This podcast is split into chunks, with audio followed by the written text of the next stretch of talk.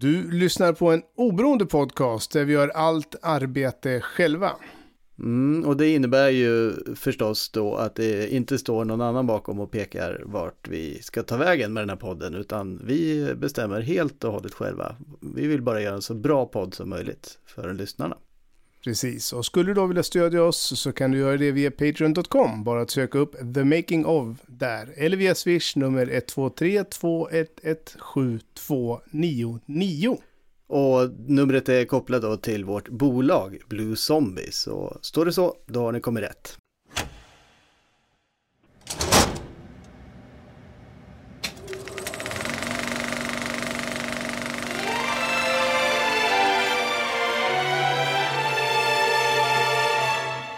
Välkommen till The Making of. En podcast om hur världens bästa filmer kom till. Jag heter Stefan Bäckström Vogt. Och jag heter Fredrik Hillebrand. Idag ska vi berätta om en mardrömsinspelning som blev en film som bokstavligen bröt ny terräng och gjorde en riktig skandalsuccé. Här är del två om The Deer Hunter.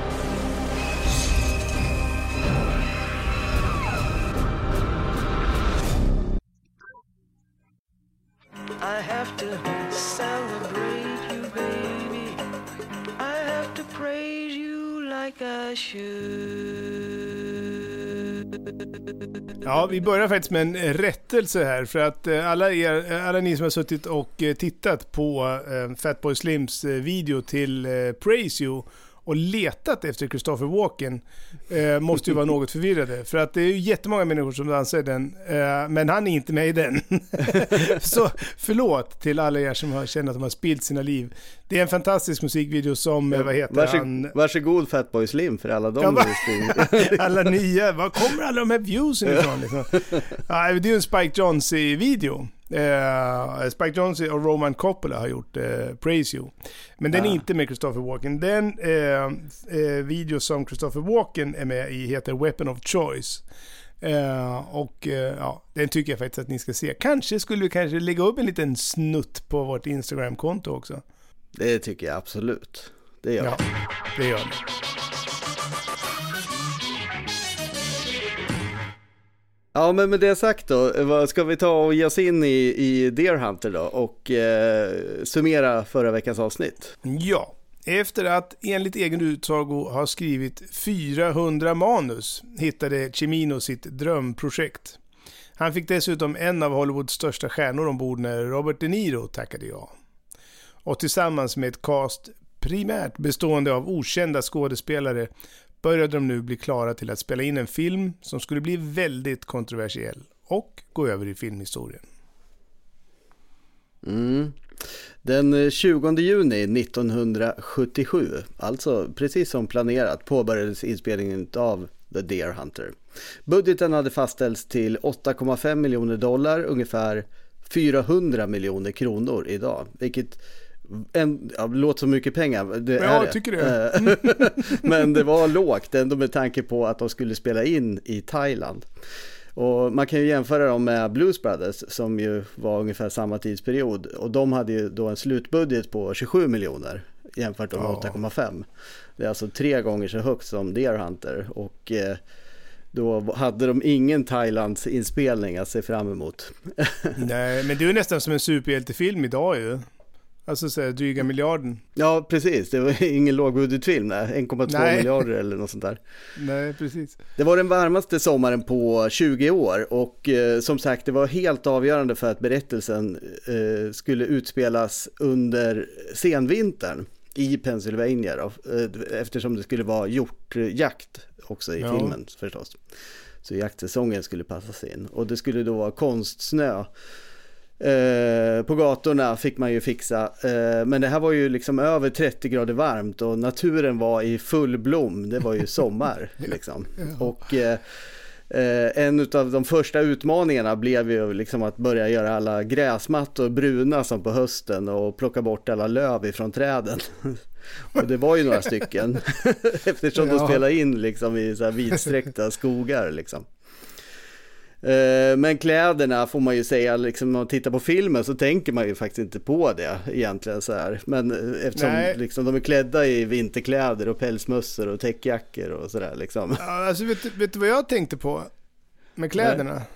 Det liknar att de är på väg till en Bon Iver-konsert. Ett gäng hipsters ja. ja, gubbhipsters liksom. Ja.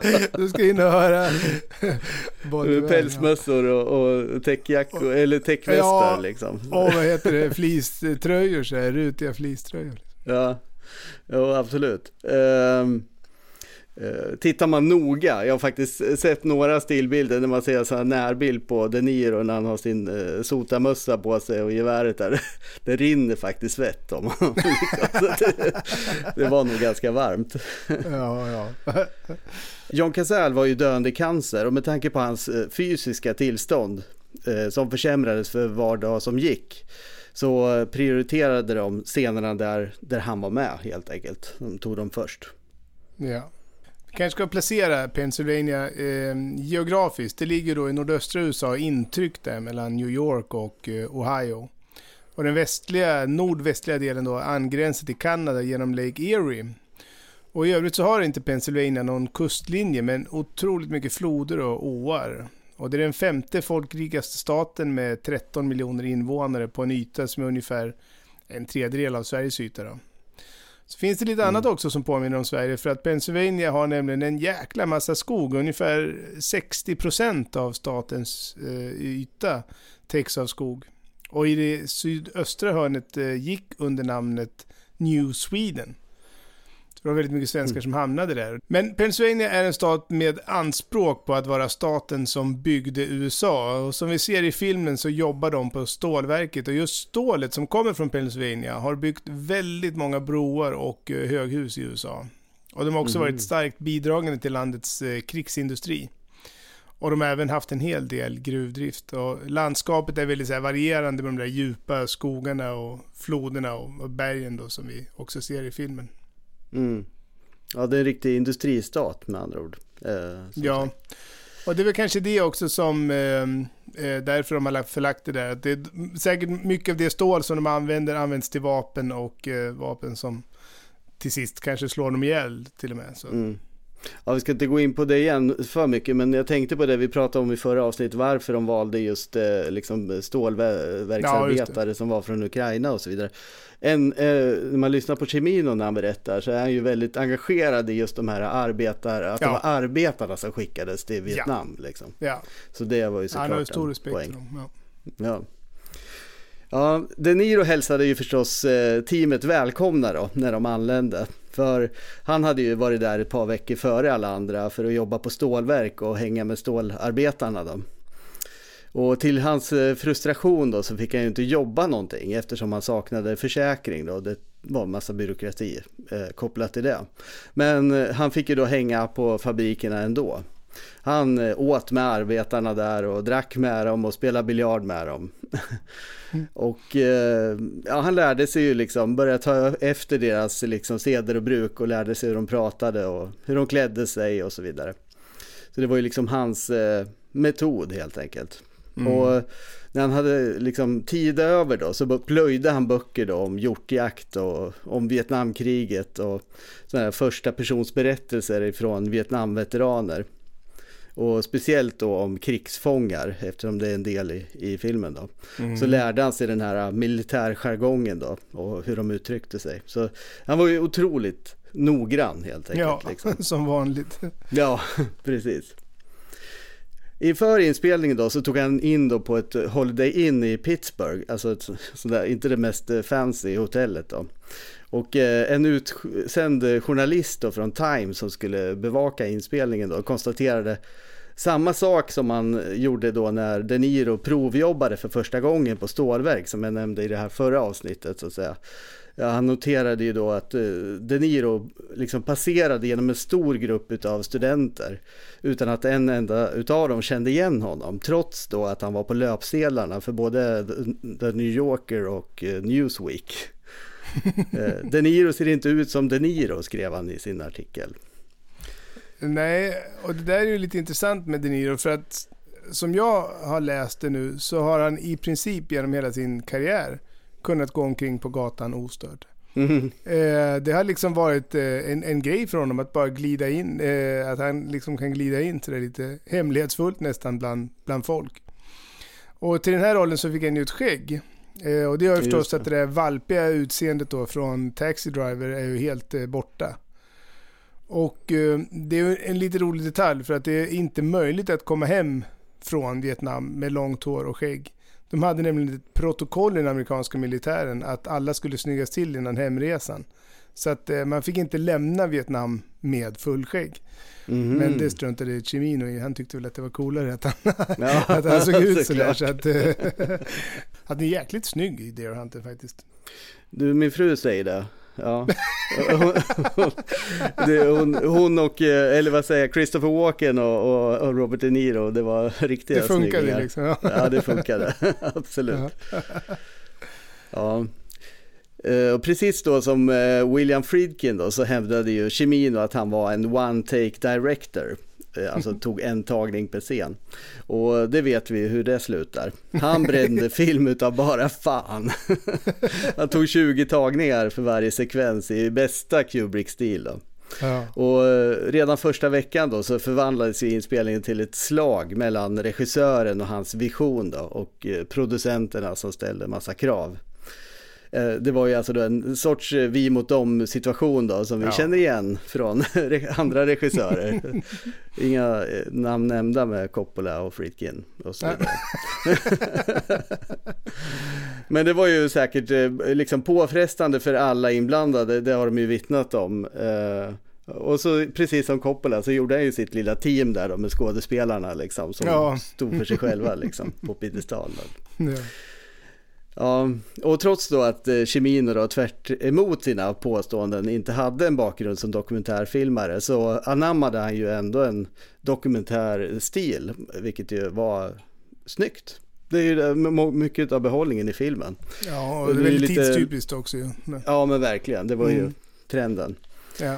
Så det var liksom lite lösa trådar och lite rörigt framför kameran, mycket som händer i många olika delar och så vidare.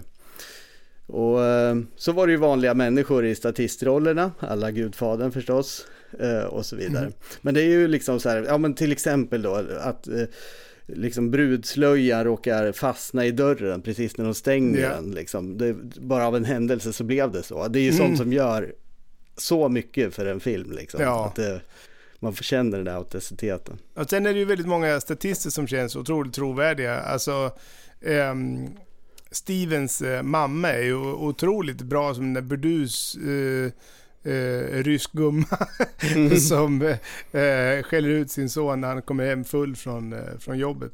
Det är ju mm. lite speciellt att han gör det, men, eh, och innan sitt bröllop och så vidare. Men det finns ju också andra detaljer som är kvar i filmen. När, scenen när Robert De Niro ska släpas ut på dansgolvet, eh, så är det några, om man tittar noga, så är det några som faller ihop i bakgrunden.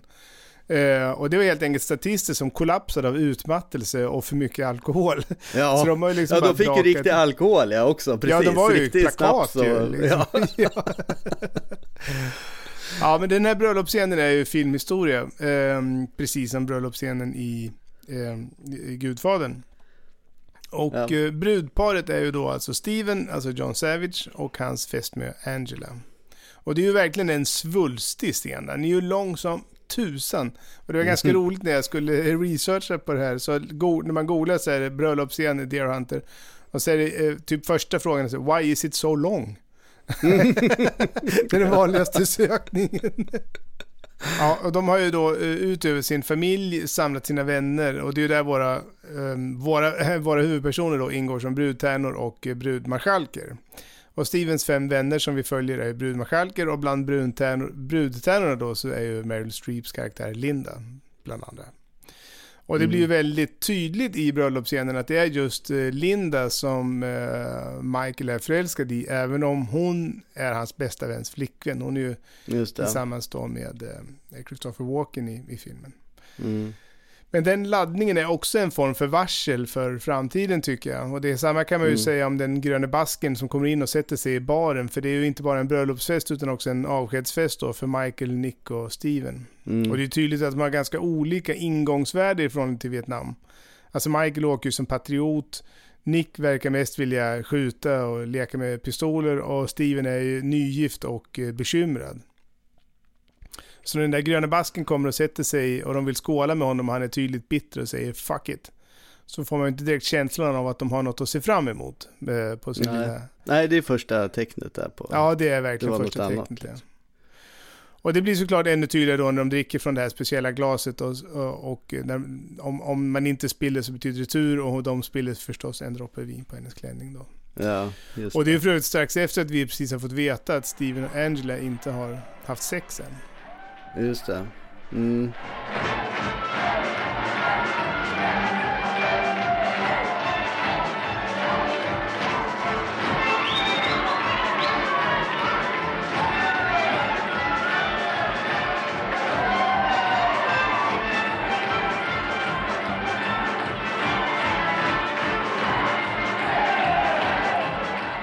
Bröllopsscenen spelades in i Sankt Theodosis eh, rysk-ortodoxa katedral i stadsdelen eh, Tremont i Cleveland, Ohio.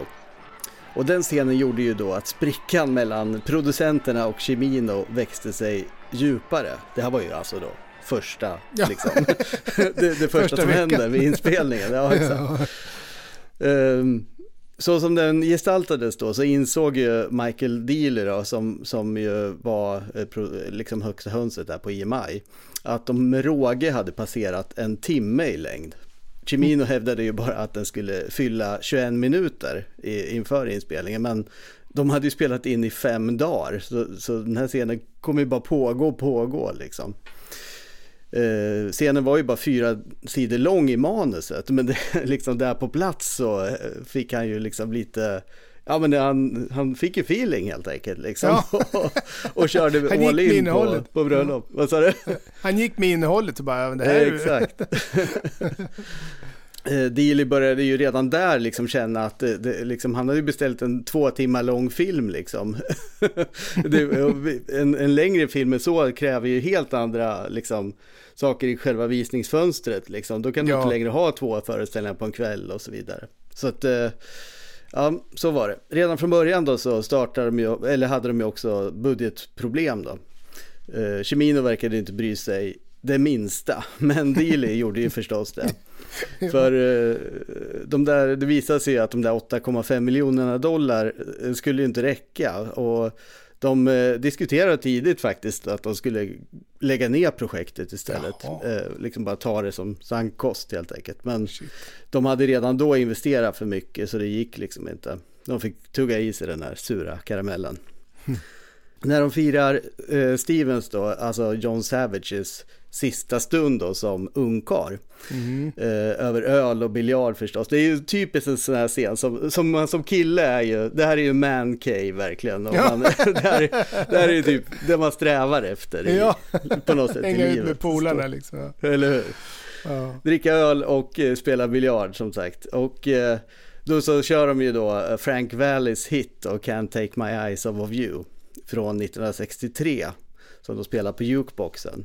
Och så brister ju då De Niro och, gänget ut i, i någon form av improviserad sång. Och naturligtvis så var det ju inte det om man känner De Niro utan de hade ju repat det där in i minsta, eh, in i minsta detalj. Och varenda liten rörelse var ju redan förprogrammerad så att säga. Och eh, det gör ju scenen, alltså scenen är ju otroligt medryckande får man ju säga. Det är ju det som på något sätt, eh, ja man får ju den här både vemodiga och eh, eh upprymda känslan liksom som har en väldigt dubbel eh, skulle jag säga. Det finns ju något väldigt obekymrat vid det där ögonblicket. Eh, det är liksom, det är bara eh, kompisarna som är tillsammans och, och har det kul och dricker öl och spelar biljard som sagt. Så det är väldigt eh, bekymmersfritt. Ja, Men- jag skulle säga, men jag, jag får ju också den här känslan av att den här scenen har man sett så många gånger. Det måste ju liksom, Ja. alltså, men jag tror att det här var ju originalet och sen så har det Ja. kopierats. Alltså, så fort det är någon som ska ha en liten sån, den typen av scen så är det allsång med Can't take my ass off of you, eller vad säger du? ja, ja, jag har försökt ju kolla upp här hur många, alltså det är ju det som är, den var ju, om man tänker tillbaka då att den här filmen utspelar sig i slutet på 70-talet så var ju låten redan gammal och ehm, på den tiden så att säga var den ju Mm. eh, redan då gammal och det känns ju liksom den passar, det passar väldigt bra in för det känns som att eh, för det första är det ju en juke, jukebox, jag vet inte hur många jukeboxes man hade i slutet på 70-talet men det är ju egentligen ett 50-talsfenomen men det känns ju som att den där skivan bara suttit i den där Mm. jukeboxen sen den kom liksom. Eh, det och så har de säkert gått och sparkat liksom. igång det där liksom varje gång då. Ehm, och utöver då att vara Frankie Valleys största hit som nådde helt till andra platsen då på Billboard Hot 100 så finns det ju i, som du säger, en uppsjö versioner. Den har bland annat då väckt eh, NASAs astronauter varje morgon, under en mission. De hade sån här tradition under en period att eh, att astronauterna fick önska sig vilka låtar som skulle väcka dem som, och då var, var den här en av deras önskemål. Då. Mhm. Och sen om det är för att folk har velat kopiera Deer Hunter eller för att det är bara en fantastisk låt, för det är det ju verkligen. Eh, det vet jag inte, men den har i alla fall använts i en hel del då, film och tv-serier. Och Mm. vi får igen möjlighet för att knyta an till vårt avsnitt om Blues Brothers eftersom låten också är med i Coneheads. Oh. Ytterligare klassiker. Ja, visst. ja, jag vet inte fan om den är det. Ja, och så förekommer den som många säkert vet då i Bridget Jones eh, dagbok. Mm. Eh, och så finns det en väldigt uppmärksammad scen med Heath Ledger i eh, 10 things I hate about you. Och den scenen blev nämligen nominerad då till tv-pris på MTV-galan för bästa musiksekvens. Mhm. Och i filmen Conspiracy Theory så sjunger Julia Robertson när Mel Gibson övervakar henne med en kikare. Så hon går och sjunger på gatan och han tittar på henne med en kikare och, och sjunger med i någon form av liksom udda Mm. duett med 400 meter emellan dem.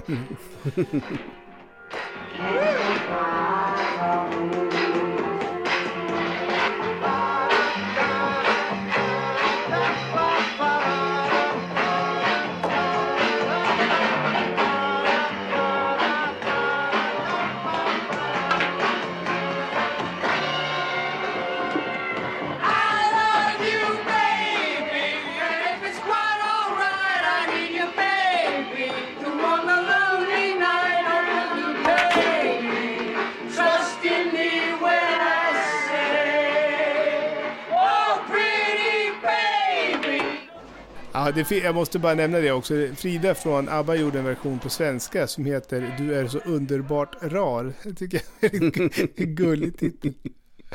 Men du, innan vi lämnar musiken så skulle jag också gärna eh, lämna den här gitarrlåten Cavatina som eh, öppnar filmen. Ja, och det är ju för oss som vid något tillfälle, om än i väldigt korta stunder för mig då, har haft en tro på den där egna förmågan inom gitarrspel, så är liksom Cavatina den vita valen. Liksom. Kan man spela den så är man in, på väg in i gitarrhimlen. Det är en väldigt, väldigt fin och stämningsfull melodi då. Och den är skriven av Stanley Myers som också har skrivit andra stycken av, eh, till filmen. Och har skrivit en hel del filmmusik i, i övrigt. Och bland annat var han då mentor åt Hans Zimmer i början av hans karriär. De gjorde musiken till eh, Witches tillsammans. Mhm. Men, eh, och han som framför, eh, alltså som spelar gitarr då till, eh, på, uh, i den här versionen, han heter John Williams. Ja, Men det är inte den John Williams, det är nämligen en annan John Williams. jag misstänkte att det skulle komma ett men där. Ja, nej, men eh, det som är intressant, eh, eller som jag tycker är lite roligt, är att melodin eh, Cavatin- Cavatina skrevs för en, till en annan film. Precis som det var tillfället då med Gudfadern. Där temat ju först hade använts i Fortunella, då, en italiensk Mm. komedi. Och den här är inte heller original, men den passar ju otroligt bra. Den sätter ju stä- stämningen så fint tycker jag när förtexterna börjar. Och blev ju en klassiker på bakgrund av sin medverkan i Deer Hunter. Mm. Jag tycker vi kan väl dra in den här va? Det Lyssna tycker jag lite. också vi gör. Vi kan ta den en gång till.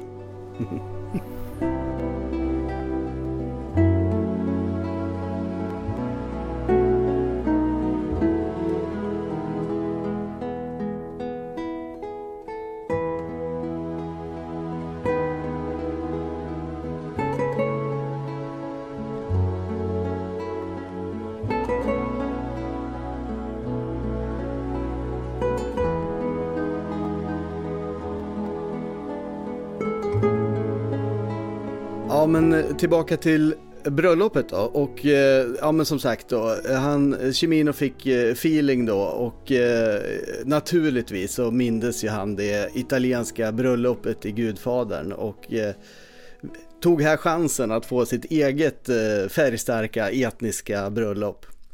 Och väl på plats då så gick ju förstås Chimino in, all in så att säga med rysk körmusik och en riktig präst och de här statisterna som du sa då, som går och blir, blir fulla och kommer med presenter.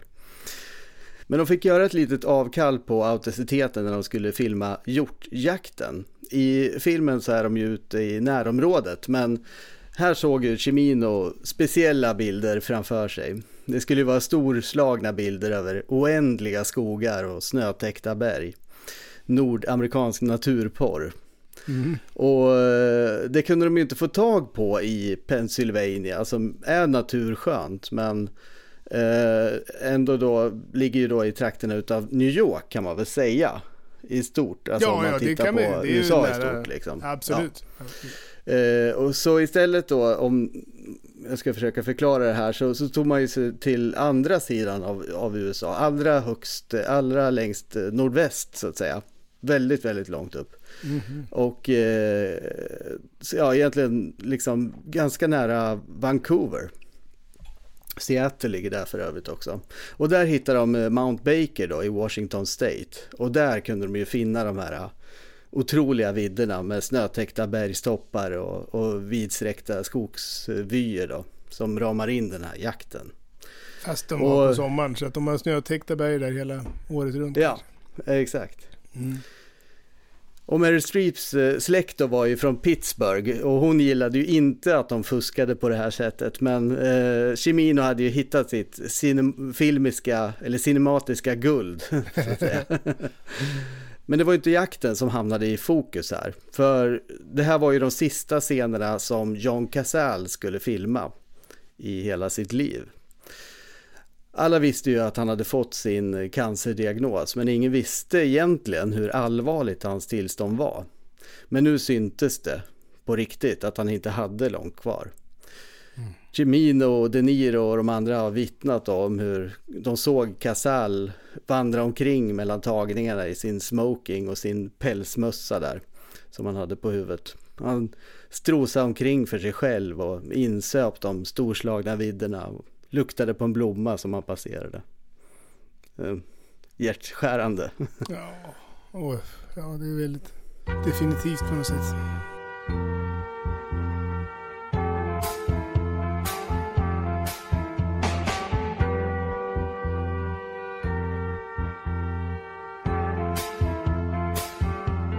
De Niro, Walken och Savage tog farväl utav Casal och de andra för att åka till Thailand för att spela in krigsscenerna.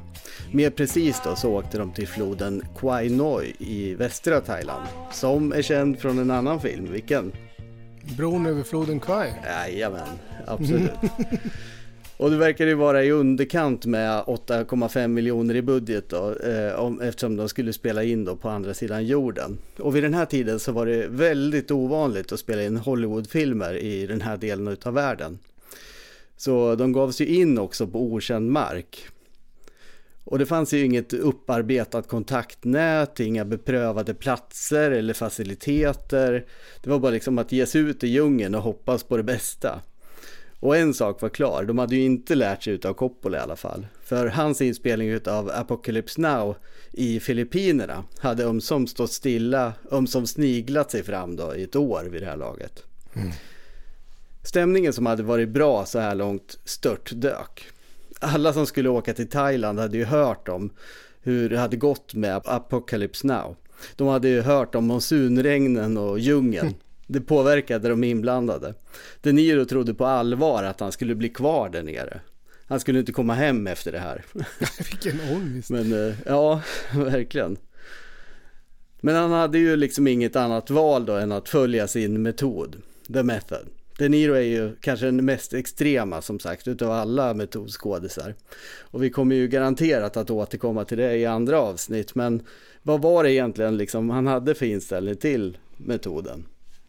Vi har ju flera gånger varit inne på Actor Studios inflytande på filmhistorien, framförallt i USA då på 60 och 70-talet. Och det känns som att folk älskar att höra historier om, om skådespelare som går igenom vad som helst för att gestalta en filmroll. Och när vi växte upp så handlade ju många av historierna om hur mycket De Niro gick upp i vikt under Tjuren från Bronx eller om hur många timmar han satt i en taxibil för att eh, kunna spela i Taxi Alltså egentligen så, det var ju hans trademark. Egentligen så hade det inte spelat så stor roll hur, bra han var. Det var liksom, Nej. Och vem har övertagit det idag? eh, någon som har övertagit det idag. Ja, precis den rollen. Precis det trademarket. Vem är det idag? Nej, eh, du får du nog. Christian Bale. Alla jävla artiklar handlar om hur, Ja, smal det. han var när han skulle spela en hiv Machinist, eller vad fan heter det? Ja. precis. När han vägde 38 Just det. kilo liksom. Åt ett, ett äpple om dagen Ja. i fem månader ja, liksom. det sant. och sen eh, när han spelar i Vice så väger han 140 Ja. kilo. Och så vidare. Och det är fortfarande bara artikelmaterial liksom. Och just hur Ja, han hade det- det ändrat sitt verkligen- utseende. Ingen känner igen Christian Bale, ja just det. Ja, det är samma Nej, som med precis. De Niro. Ja. Ja. Han kanske också kan gå på gatan i Stockholm utan att någon bryr sig liksom. Jag vet inte. Ja, men De Niro gick ju då hos Stella Adler och det var ju precis som Brando gjorde då. Och eh, det, utöver då det här, de här extrema förberedelserna så finns det en sak som många missar tycker jag när man eh, snackar om The Method. Och det är ju att det är väldigt mycket som försiggår inne i huvudet på skådespelaren. Just det att De Niro, det som är unikt med honom, det är hans förmåga att vara tyst. Och om man tänker på hur många scener när man ser honom sitta och säga inte ett jävla någe, men ändå förstå precis vad han går Mm. igenom, vad han tänker och, liksom eh, så är det kanske det som är ett av hans allra starkaste trademark.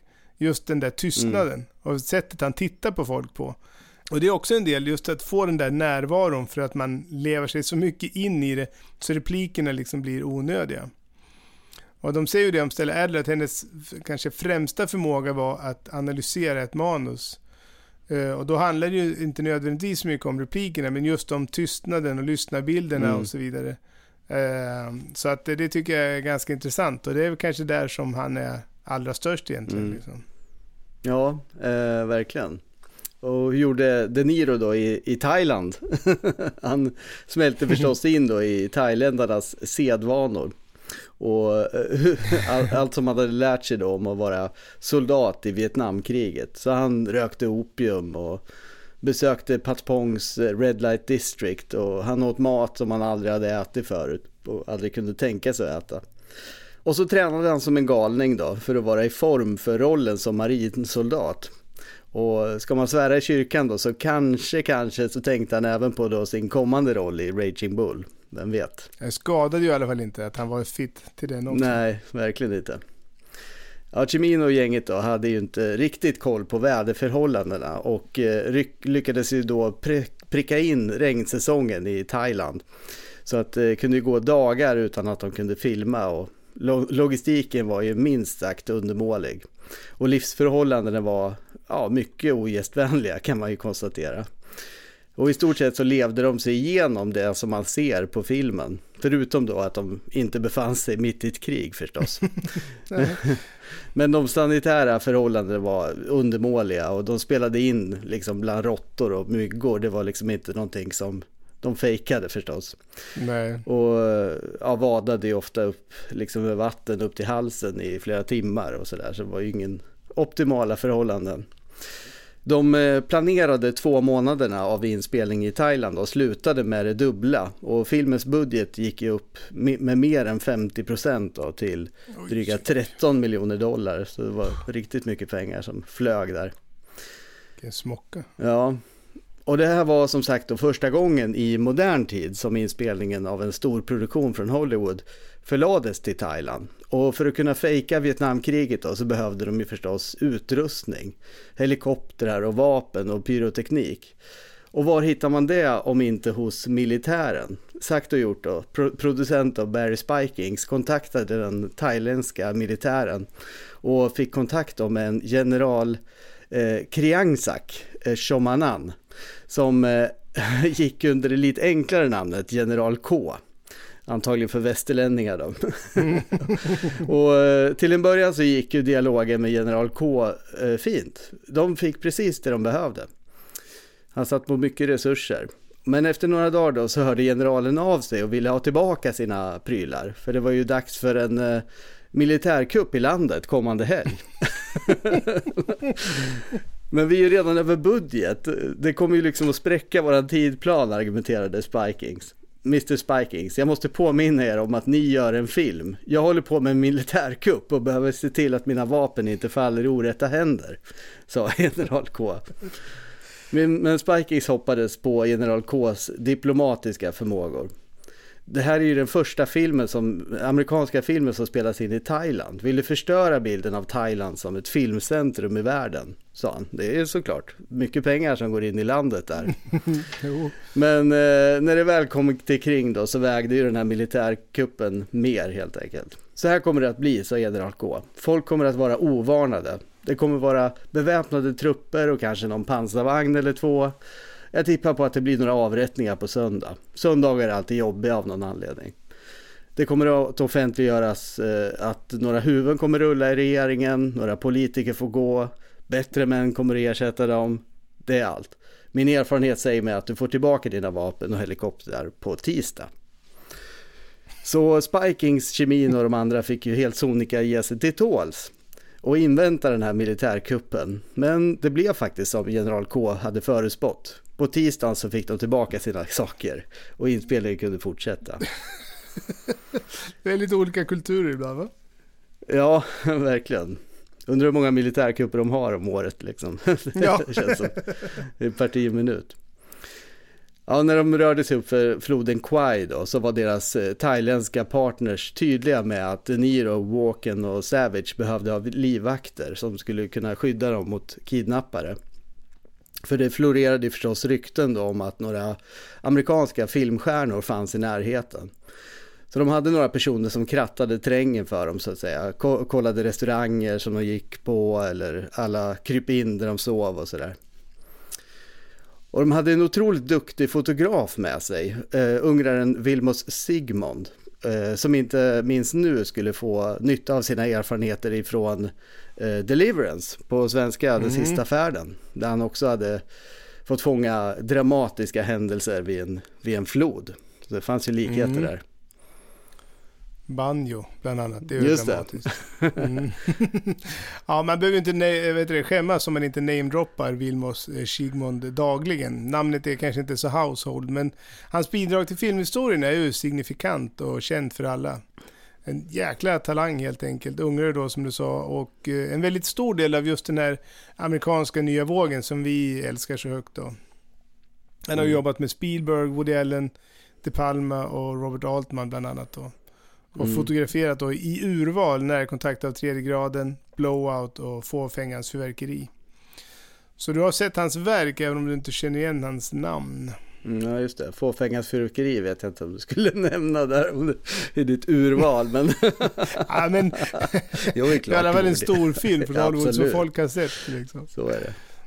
Riksmonts idé till Deer Hunter var att eh, filma Vietnamscenerna som precis som det här dokumentära materialet som hade sänds på tv då, eh, Mm. de senaste åren. Så det blev ju ett stilbrott mot den första halvan av filmen. Så han eh, överexponerade ju filmen med två steg så att den hade det där lite ljusare utseendet som vi kan känna igen då från ja, vissa semesterbilder kanske från 70-80-talen om man, Ja. eh, man inte hade mästerfotografen med sig. Och eh, det väckte ju vissa frågor innan Sigsmond och Cimino hade förklarat sin artistiska vision. Eh, Mm. sådär. Men det funkar ju väldigt bra. Och Ja, Cimino var ju svår enligt många. Han tände på sanningen som vi pratade om i förra avsnittet. Eller helt enkelt sonika ljög då för att eh, vinna personliga fördelar. Han tog genvägar och bedrog nära partners. Han struntade i pengar och överenskommelser men han behöll sin artistiska version så, och så gott som alla skådespelare gillade ju honom. Och han var ju precis som Coppola en actors director. Och i Vietnam så kom han fram till själva filmens essens förstås, roulettscenen. Mm. Det är ju så att våra tre huvudpersoner då har blivit eh, tillfångatagna av Vietkong och hålls inspärrade i en slags bambusfängelse som ligger delvis under vatten. Och tillsammans med de andra fångarna så dras de upp då ur hålet för att spela rysk roulette mot varandra till fångvaktarnas nöje. Och fångvaktarna sitter med stora skjutvapen och satsar pengar på vem som ska ta emot nästa kula. Vid bordsänden sitter en extremt hetsig man som och ropar på vietnamesiska samtidigt som han slår fångarna i ansiktet för att få dem att göra som han säger. Ja, det här var ju som sagt då eh, liksom själva kärnan till, det var ju där vi började i förra avsnittet så att säga. Ja. Jag kollade upp det här med rysk roulette på, på film.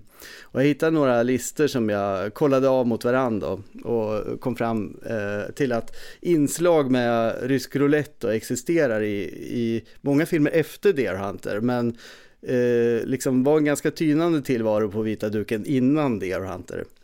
Eh, Så det var ju lite som att Deer Hunter faktiskt eh, liksom visade då vilka dramatiska möjligheter som fanns med så här roulette. Så att det, det är en stor grej såklart. Vi- Ja, det är geni- men det är ju genialt för att det är så...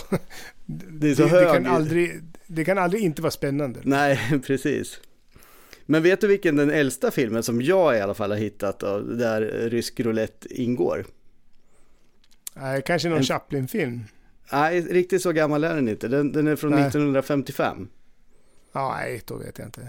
Den är svensk. Är det någon Bergman-film? Mm.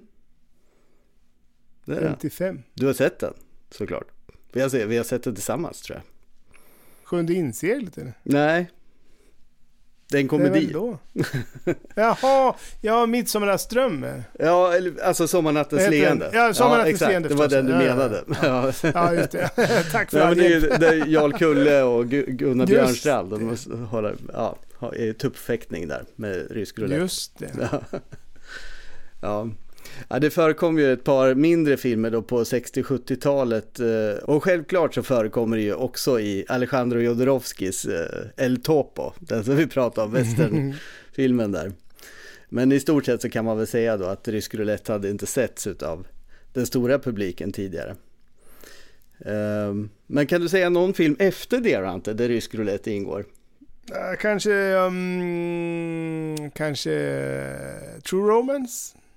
Nej, Nej. Det var bara... Jag tänkte det skulle vara men- en sån här 90-tals gangsteraktigt. Ja men du är precis, du, du, du är inne på precis rätt resonemang faktiskt. För det är ju 90-talet när det var liksom Mexican standoff så liksom. Ja, ja. Det var ju då det var, det, då kom även rysk roulette in där. Nej, ja, men så här, det den. jag drar några. Kusturikas eh, Arizona Dream från 1993. Johnny Depp och. Lily Taylor spelar rysk roulette. Eh, Leon, som jag nämnt Ja, tidigare. ja, ja, Natalie ja. Portman kör rysk roulette. Medan vi faller har vi också nämnt tidigare. Ja, just det. Fan, Eh, kanonfilmer alla tre. Ja, verkligen. Och i LA Confidential så använder det som eh, förhörsmetod förstås. Jaha, jag har Stilenligt. glömt helt. Ja, Det är också 90-tal. Alla Ja, fyra ja. är 90-tal. ja, jag drog några, jag ville ju också göra en tes här förstås. Det finns ju, men som sagt 90 och sen 2000-talet har det väl förekommit också. Men, men de stora filmerna, de här som vi säger, som jag tog upp Mm. nu, det är de största liksom. Ja, sen ja, finns ja, det ju ja. massa så här, ja. Fantastiskt. Mm.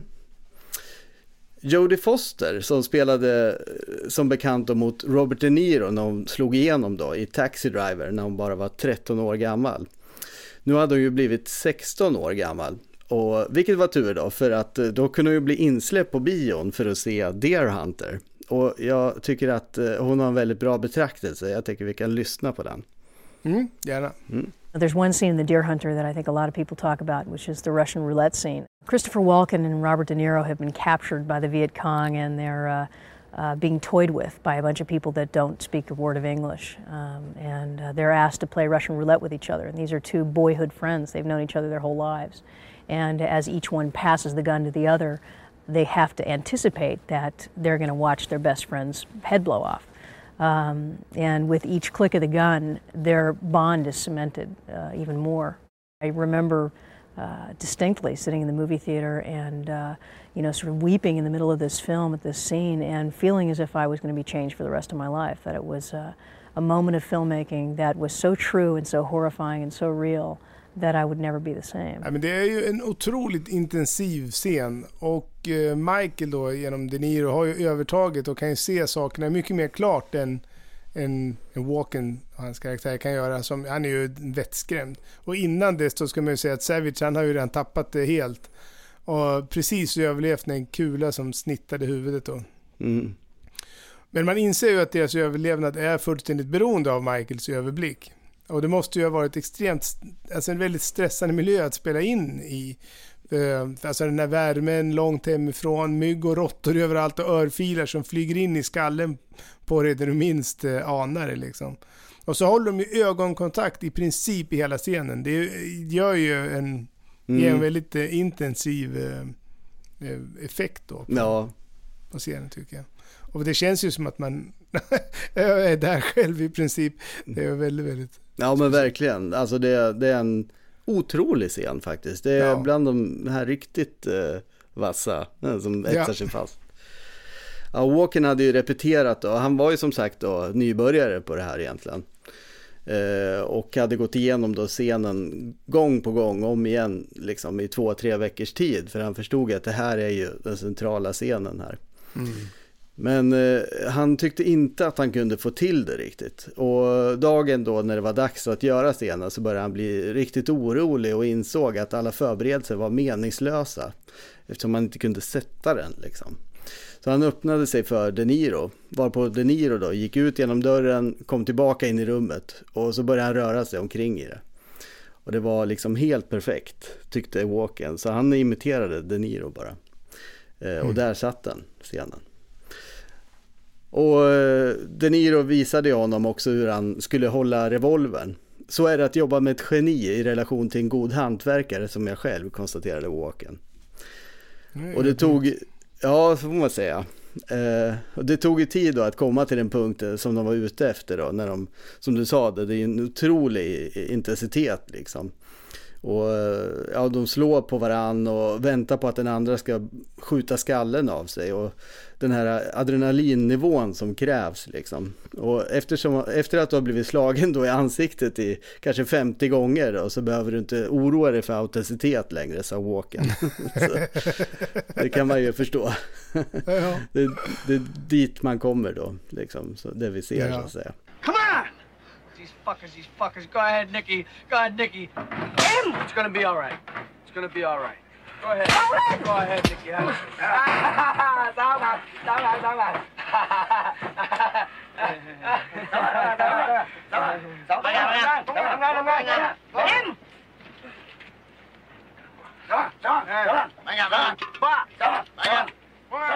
I do three bullets. Three. Three. We do three, huh?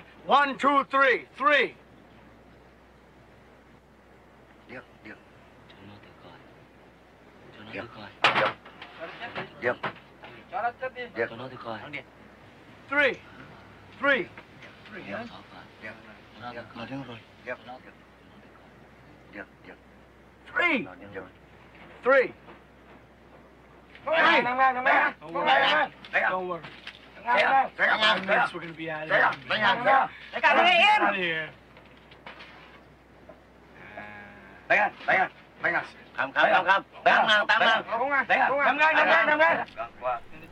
Walken hade ju en noja över revolvern. Han checkade den varenda gång mellan tagningarna.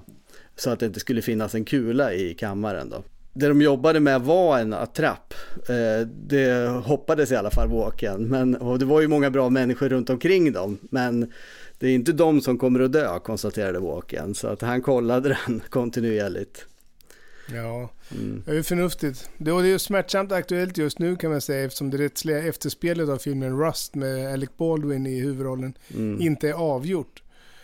Men det, det som hände här var ju att pistolen gick av och träffade fotografen eh, Halina Hutchins med dödligt utfall då. Och just nu har Baldwin stämt både vapenproducent och firman som levererar vapen, regiassistent och rekvisitör för det som inträffade. Och vi vet ju inte i detalj än hur det kunde gå så fel. Men det är faktiskt väldigt, väldigt ovanligt att just pistoler avfyras med dödlig effekt under filminspelningar. Och framförallt om man betraktar hur många vapen som avfyras under film och tv-inspelningar. Och här under högkonjunkturen sen streamingkriget började så har det ju dock varit jäkligt mycket tråkig statistik på andra sorters olyckor. Det har varit helikoptrar som har störtat och ljusriggar som har krossat folk och så vidare. Men det har inte varit eh, vapenrelaterat. Men det finns ju en väldigt känd episod till då och det var ju under inspelningen av The Crow. Och där var det ju en kula som satt fast i loppet på pistolen. Och eh, den, när den avfyrades så satte den sig nära ryggraden då på Brandon Lee som dessvärre avled i ambulansen. Och sen hittade jag faktiskt en dödsolycka från en tv-serie som heter Cover Up från 1984. Och där var det en skådespelare som tog en pistol och lekte rysk roulette med en Magnum 44 och sköt sig själv i huvudet då. Och det var en, en blank, alltså det var inte en äkta patron, men det gick ändå så illa för honom så att han, eh, så att han avled. Åh, jäklar. Jaha. Ja, det måste Man ju vara lite säker. våldsamt. Ja, Ja, nej, nej men precis. Va? Men det var, så det var nog ändå förnuftigt att Walken var så vaksam som han var. Liksom. Mm. Ja, Cimino då berättade ju för pressen då att eh, De Niro hade insisterat att få en riktig kula i kammaren när de snurrade den. Något som De Niro förstås förnekade. Varför skulle han ha det för liksom? det gick liksom hans gräns för autenticitet. Han var liksom inte självmordsbenägen. Men eh, Cimino stod ju fast vid det och det blev ju såklart väldigt fina rubriker, får man ju säga. Jo, Ja, de spelade in på natten och jobbade på dagen då med förberedelserna. Och i, i stort sett så jobbade de faktiskt dygnet runt. Det fanns ju liksom inte så mycket annat att göra där i, i djungeln. Och eh, många släcker ner och fejkar natt menade eh, Chimino. Men det går inte att fejka natt i folks huvuden. Man uppträder helt enkelt annorlunda nattetid. Och det kanske ligger någonting i det. Vad säger du? ja, det, det tror jag faktiskt att det skulle kunna göra. Att man har liksom en annan... En Det annan är, rytm? det är också någonting med de, med, med, med vad är det nu, melatoninnivåer och sånt där i kroppen som är annorlunda på natten. Mm. är. Så det, ja, det, det kanske jag faktiskt har rätt i. Ja. Ja, det har som sagt sin skärm då att spela in med statister och vanliga människor. De hade hyrt en, in en eh, lokal kvinna då för att sköta rollbesättningen. Men eh, hon hade stora problem med att hitta en, en thai då som med hotfullt utseende som kunde spela ledare för den här gruppen då som till, tillfångatar De Niro, Walken och Savage. Och hon kunde hitta en skådespelare men när de väl spelade in då så vägrade han att slå De Niro i ansiktet. Han kunde helt enkelt inte. Jag ska tillstå att det, det är den här scenen då som blev mest utskälld för att vara rasistisk. eh, För den här karaktären är ju verkligen utformad för att vara extremt osympatisk. Och man förstår ju, det går ju verkligen ut på liksom att eh, man ska sympatisera med De Niro då när han vill sätta en kula i pannan på honom bara. Ja, det, det är verkligen eh, så. Men eh, så hittade hon i alla fall den perfekta kandidaten. En, eh, en thai då vid namn Somsak Seng, Sengvilai. som enligt utsaga då har en särskild avsky mot amerikaner. Han hade inga problem alls med att slå dem i ansiktet. De Niro tog honom åt sidan och gjorde upp en plan med honom. När kameran rullade så slog Somsak plötsligt Walken i ansiktet. Något som inte var eh, planerat. Och Walkens reaktion blev ju därmed äkta. Ja, det här var ju som sagt eh, filmens centralpunkt liksom och Cimino var ju i sitt esse. Men det märktes ju hur Ja. mycket han älskade att få göra den här film, eh, scenen. Ja, jag förstår. Och han tog eh, Walken åt sidan och gav honom instruktioner. Men Walken protesterade. Det går inte. Jag kan inte. Men Cimino stod fast. När de rullade kameran igen så spottade Walken De Niro i ansiktet. De Niros reaktion är ju av chock och skräck. Också den äkta förstås. Så Walken fick ju ge igen helt enkelt med samma mynt. Ja.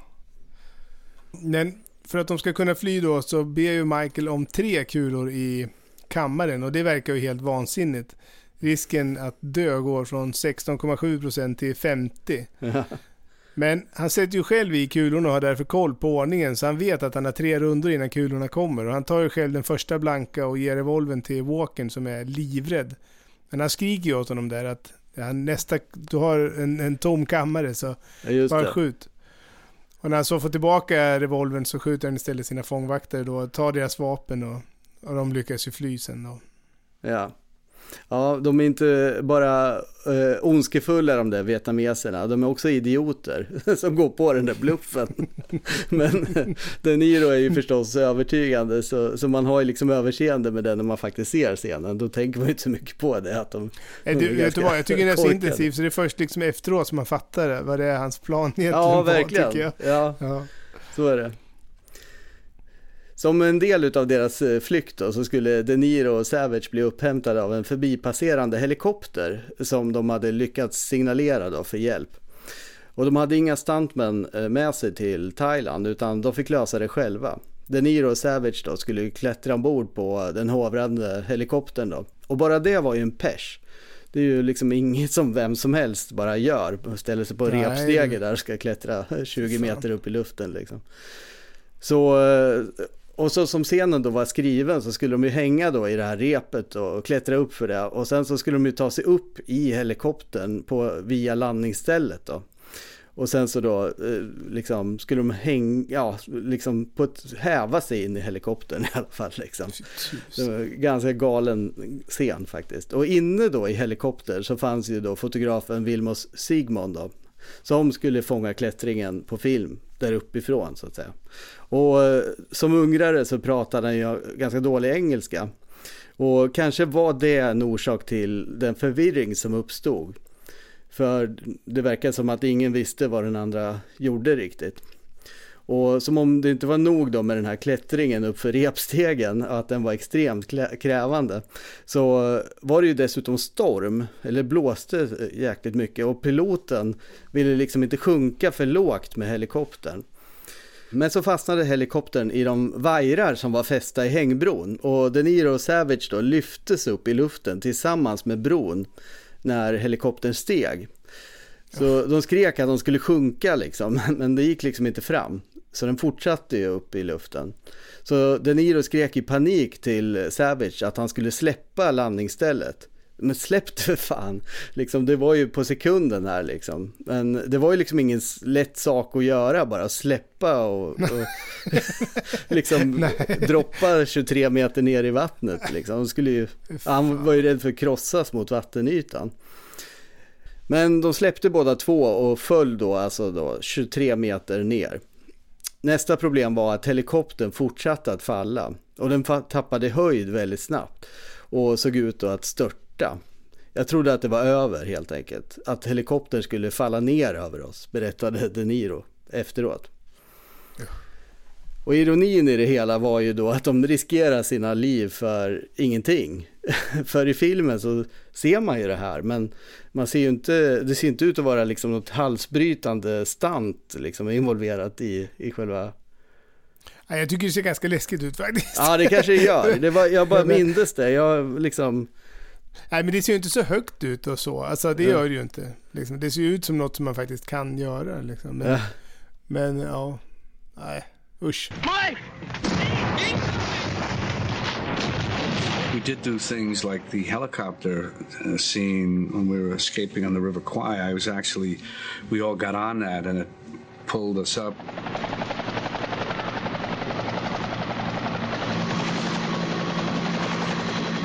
We did one take finally where it lifted the whole bridge and spun it around and we fell into the water and that's when we we cut. I think we had six cameras. We were under the gun pressure to finish. And when you're shooting those kind of scenes, the stunt scenes with anybody, you gotta really keep keep your cool.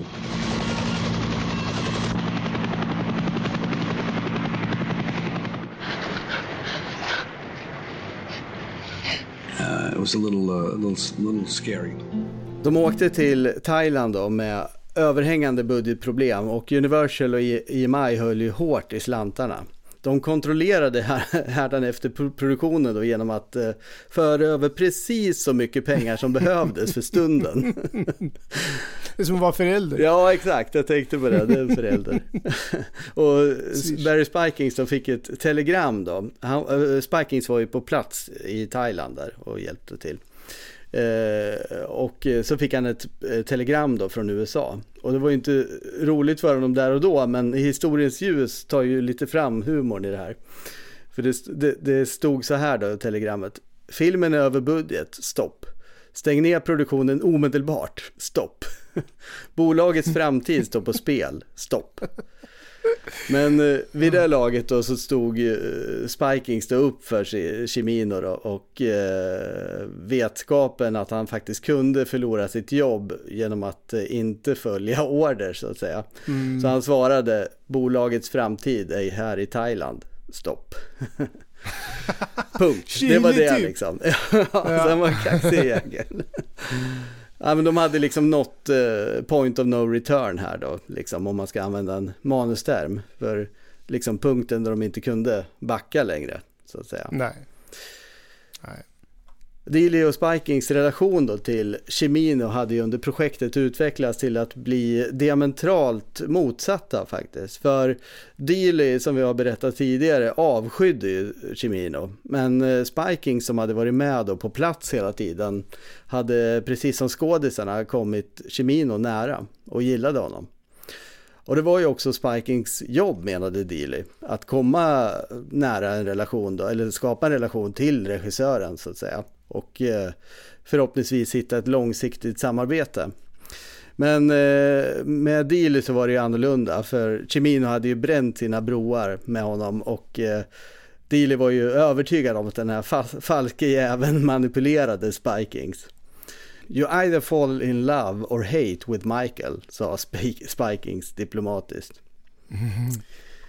Inspelningen avslutades då i januari 1978.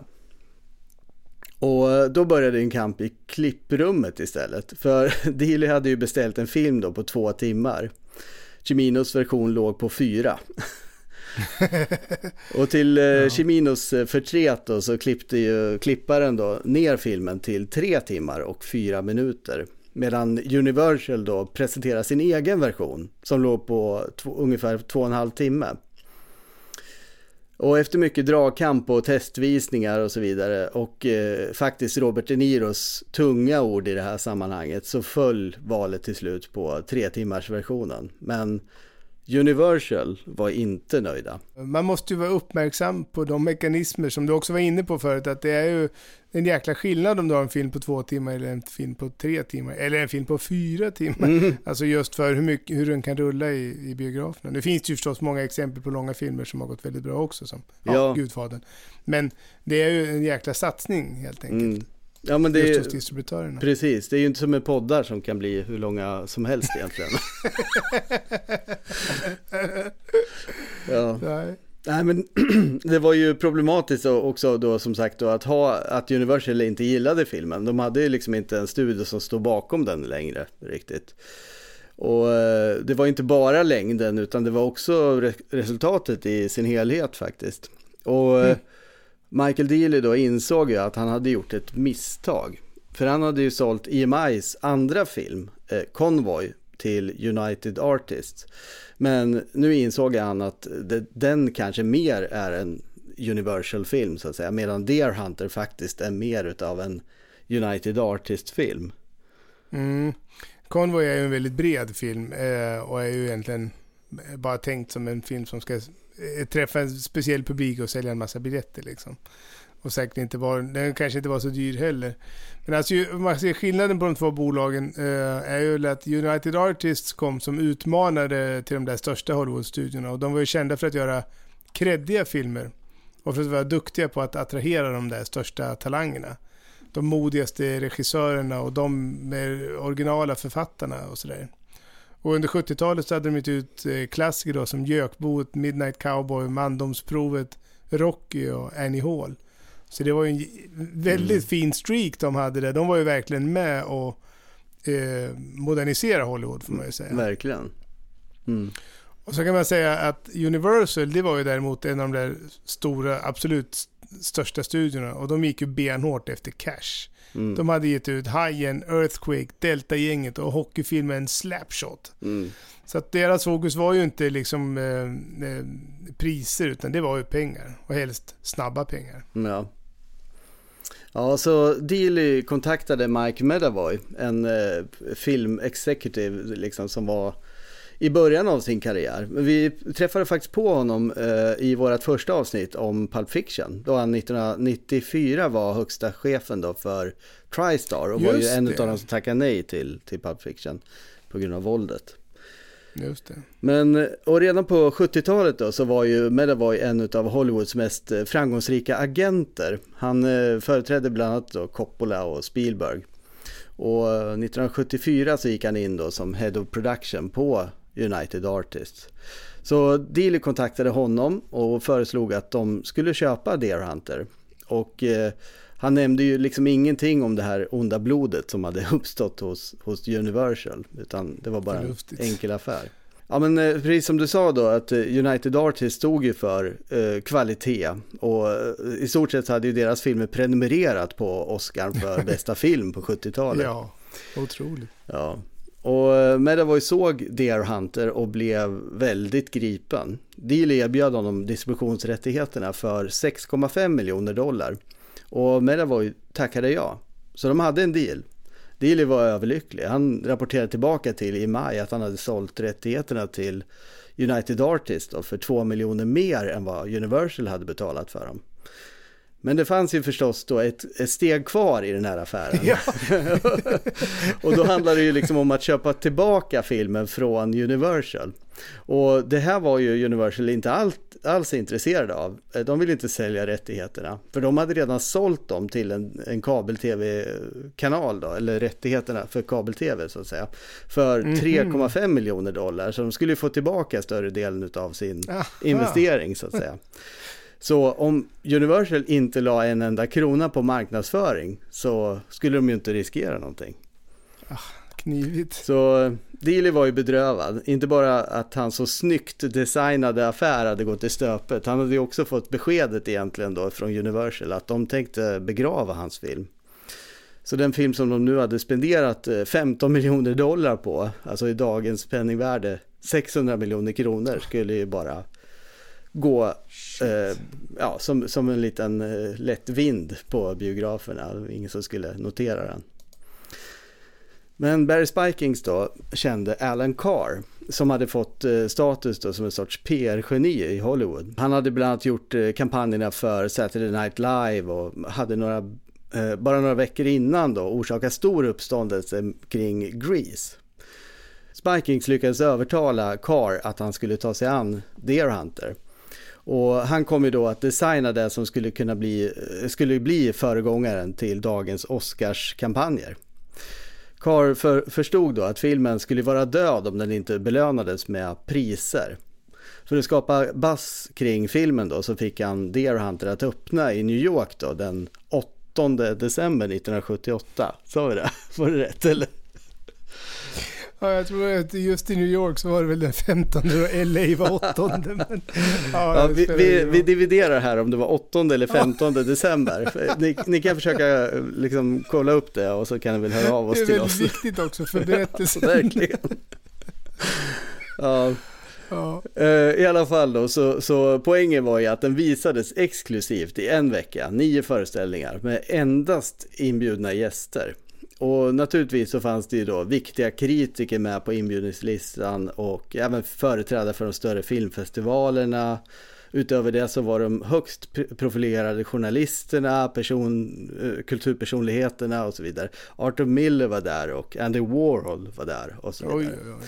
Så det var ju, de hade ju liksom gjort det rätt. Och jag tänkte just på Gudfadern-premiären där när de fick eh, eh, Henry Kissinger till premiären. Det Just var ju liksom den, det, var, det fanns ju en Ah, viss ja, ja, eh, ja. likhet ändå. Ja. Eh, men datumet då, då den eh, 15 eller 8 december var ju noga utvalt. Alltså poängen var ju liksom att de skulle, filmen behövde visas under 1978. För att kunna bli aktuell då till 1979 års Oscarsgala. För det var ju liksom det som var poängen här. Mm. Eh, så filmen gick upp en vecka i New York, sen så gick den ner igen. Eh, och sen så för att kunna visas liksom senare då, så för allmänheten. Och Cimino hann ju före Coppola, vilket gjorde att eh, vissa kallade Deer Hunter då för Apocalypse First. Vad fånigt. Enligt Cimino så besökte ju då Coppola hans hotellrum och sa Du slog mig kompis, vilket förstås aldrig har hänt. Det, det kan jag svära jag på. Ja, men det är ju intressant det här med The Campaign Trail som man kallar det efter en film eh, har, eh, har blivit färdig. För att det är ju så här att idag består akademin eh, av 9900 medlemmar. Det var ju färre på 70-talet, men det var ju fortfarande flera tusen. Och för att överhuvudtaget ha en chans att vinna en Oscar, eller bara bli nominerad, så måste man övertyga så många som möjligt om att se filmen. Så att de sedermera kan rösta på den. Och idag så får ju jurymedlemmarna då länkar så de kan sitta hemma och se filmerna. Sådana här vattenmärken på så att de vet vem den tillhör. Men i en period då fick de dvd och innan dess så fick de VHS och innan dess så skulle man övertyga akademin om att komma till visningar av filmerna som är i spel då. Mm. Och folk har ju begränsat med tid och det är ju hundratals filmer så att det gäller ju att akademin ser just din film. Och det är ju här då att marknadsföring, PR, artiklar och word of mouth blir helt avgörande. Man måste helt enkelt göra juryn nyfiken på den film som man har producerat.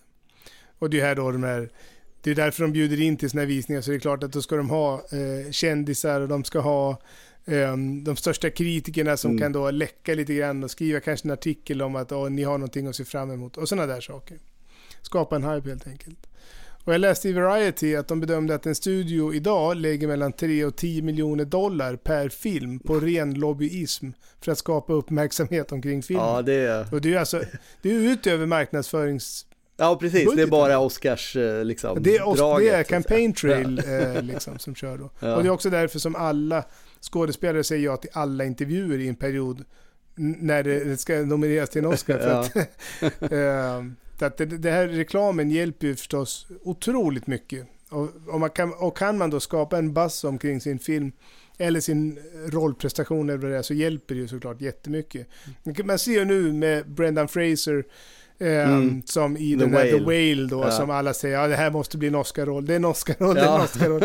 Och alla har sett klippet på efter premiären när han får sin 17 minuter långa eh, stående ovation där. Ja. Ehm, så Ap- att det är klart, liksom, det- det- utseendeförändringar också, liksom, som kan skapa Ja, det buzz. kan man ju säga. För där är det ju inte riktigt method acting som är orsaken. Psykisk ohälsa. Men, Ja. eh, men vad heter det? mm, Det, det, det? det är ju oundvikligt för juryn att se den filmen. De måste ju se den Mm. filmen. För att den är så hypad just nu liksom. Så att det är, ja, det är ett speciellt spel det där. Det är väldigt långt ifrån bara den bästa filmen som vinner. Mm, ja, verkligen, verkligen. Det är ju det, det, det är det väl sällan egentligen, att det är den absolut, Ja. alltså så objektivt bästa filmen som vinner. Det är, Ja. liksom, det, det, det är ju, ja, ibland så är alla överens, eller någon gång. Ja. Det är väldigt sällan tror jag. Ja, hur som helst, Lou, Lou Wasserman då, eh, han var ju då chef för Universal vid det här laget. Vi nämnde ju honom i Blues Brothers eh, avsnittet bland annat. Och eh, han var inte alls nöjd med den här release-strategin då. Du kan ju inte ge New York-publiken en film först och sen så ta ifrån dem dem. Och sen så ger de tillbaka den igen. Det kommer liksom att döda oss. Det här är inte en bra strategi. Men med tanke då på att de varken hade en marknadsföringsbudget eller någon alternativ releaseplan då för filmen så fick han ju bara acceptera Cars upplägg då. De hade ju ändå sitt på det torra så att säga. Carr räknade med att det skulle pratas om Deer Hunter då på mer än en middagsbjudning eller julfest. Och han fick rätt. Och i den här perioden när de skulle dra uppmärksamhet i filmen då så ville Letitia Kent få en intervju med Michael Cimino för The New York Times Sunday Magazine. Och det här var ju inte vilken tidning som helst förstås. Och det var ju ren jackpot enligt Carr. Och, eh, så de satte sig ner för en intervju och när de frågade hur liksom, berättelsen hade uppstått så glömde Cimino att eh, nämna att det ju faktiskt var Quinn Rediker som hade fått originalidén. Och att Derek Washburn hade bidragit till stora delar av manuset. Och istället så svarar han så här. För mig så är det här en väldigt personlig film. Jag var själv kopplad till en medicinsk enhet utav de gröna baskrarna. Mina karaktärer är porträtt av folk som jag kände. Under åren av kontroverser kring kriget, de som utkämpade det, de vars liv på ett direkt sätt påverkades av det, de blev nedvärderade och ignorerade av pressen. Men de var vanliga människor som hade ovanligt mycket mod. Vidare berättade han att han hade, vad sa du? Skitstövel. Ja. Vidare berättade han att han hade hoppat av Yale för att ta värvning i armén då under Tet-offensiven 1968. Frånsett de här lögnerna då så var det ju en väldigt intressant intervju. Han väljer bland annat att säga att det finns fler krig som är lika fruktansvärda som Vietnam. Och avslutar med eh, There have been and there probably will be a lot worse. Vietnam was not the apocalypse. I meningen efter så nämner han att det är vanliga människor who journeys to the heart of darkness and back. Så han la ju medvetna referenser då till Coppolas Apocalypse Now förstås. Och varför det? Mm. Ja, för att han hann först förstås och kunde rida Ja. på vågen. Ja. och i slutet då så passar han ju på att nämna då att han inte tycker att detaljerna om kriget var särskilt viktiga. För det är ju inte en intellektuell film, det är en film för hjärtat. Och det här säger han ju förstås för att föregripa den debatt som var på väg att uppstå om filmens äkthet. Dagen efter så kom ett samtal till Tom Mount på Universal. Cimino hade ju ljugit för New York, Times. Vad sa han? Han pratade vitt om sina krigsupplevelser i Vietnam. Nu var det kris. Mount ringde då till Wasserman som ringde till Universals publicist. Och till måndag morgon då hade publicisten fått fram ett nummer till Pentagon eh, som de gav till New York Times faktagranskare. Pentagon berätt, bekräftade Chiminos berättelse då i vaga ordalag och på så vis hade de ju gjutit olja på vågorna. När Chimino fortsatte att upprepa sina lögner i intervju efter intervju fick eh, Mount nog. När han fick frågan då så svarade han att eh, Cimino är inte mer en läkare i de gröna baskrarna än jag är en rödbeta. Men all PR är ju bra PR, eller hur? ja, det är ju så. I alla fall här. Det får man ju verkligen säga. Ja. Ja. Ja, I alla fall då, det, det dröjde ju en och en halv månad till då, den 16 februari in på det nya året då. Eh, Då hade Deer Hunter premiär för allmänheten. Mm. Jag försökte hitta en topplista hur det såg ut precis när den hade premiär, men det har jag inte lyckats göra. Så jag har kollat upp vad som hade premiär under hösten. Eh, eh, 77, Ja, under hösten 78, ja, Ja. precis. Och det var ju, vi sa ju det i intro på förra programmet, att det, 1978 var ju Grease år. Men det var ju en sommarrelease, så den hade ju trillat ner från toppen nu då. Så tro det eller ej, men Sagan om ringen skördade ju väldigt stora framgångar i november 1978. Och i oktober så hade Halloween haft premiär och även Midnight Run och båda var ju stora succéer. Men december är ju en väldigt bra biomånad och efter att eh, Deer Hunter hade haft en lille, liten smygpremiär där så kom ju Superman som jag Mm. också har nämnt förut. Och sist upp det året var Clintan-filmen Den vilda fighten. Och självklart så var intresset stort för att se Clintan och en orangutang på bio. Mm. Även om det förstås inte nådde Supermans nivåer. Januari var ju en tvärdöd månad, så vid återpremiären då i februari så var det bara The Warriors som hade kommit upp och uppnått någon form av Mm. succé. Ja. Men responsen var ju fullständigt fantastisk. Eh, publiken älskar den och eh, kritikerna älskar den också. Fyra dagar efter Deer Hunters premiär tillkännagavs Oscars-nomineringarna och det blev ju jackpot. Deer Hunter var nominerad i nio kategorier, inklusive Robert De Niro då för bästa manliga skådespelare, Walken för bästa manliga biroll och Streep för bästa kvinnliga biroll. Vidare så nominerades alla författarna för bästa manus och eh, Cimino nominerades för bästa regi. Och så blev ni ju förstås då också nominerad som bästa film. Så det var ju verkligen jackpot. Jackpot. Mm. Ja. Och den eh, 9 april så gick galan av stapeln. Den 51 galan hade anordnats på The Dorothy Chandler Pavilion som i normala fall var hemmascen då för Los Angeles-operan. Utanför stod en folkmassa och höll upp plakat med texter som We remember Vietnam but history can't be re- rewritten eller The Deer Hunter, No Oscars for Racism.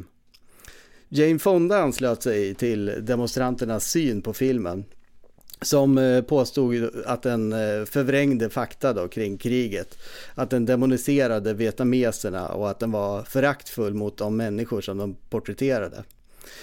Fonda intervjuades i tv där hon tog avstånd ifrån Deer Hunter. Hon stämplade det som rasistisk. Jag hoppas att den inte vinner. Jag har inte sett den. Jag vågar inte. Mina vänner har berättat om den för mig och jag tycker att det är otroligt att vanligt folk kan se på Deer Hunter och inte ta rasismen i beaktande. Slutcitat. Och det faktum då att eh, Deer Hunter var främsta konkurrent till hennes egen post- post-Vietnam-film Coming Home. Eller det faktum att hon faktiskt inte hade sett filmen var ju liksom inget som Fonda ville ta i beaktande. Nej, det är mest praktiskt att inte göra det. Ja. ja, demonstrationerna var så våldsamma att eh, Robert De Niro valde att eh, inte närvara på galan. Och kanske fann han ju också en ursäkt för att slippa, för han hade ju inte varit på plats heller när han fick eh, vann en Oscar då för bästa, bästa manliga biroll. Eller borde det ha varit huvudroll? för Vito Corleone då i Gudfadern 2. Så Vet du om han har någon sån här speciell eh, ursäkt? För jag menar, eh, vad heter han? Eh, Woody Allen han spelar ju alltid klarinett då, så att han kan ju inte komma.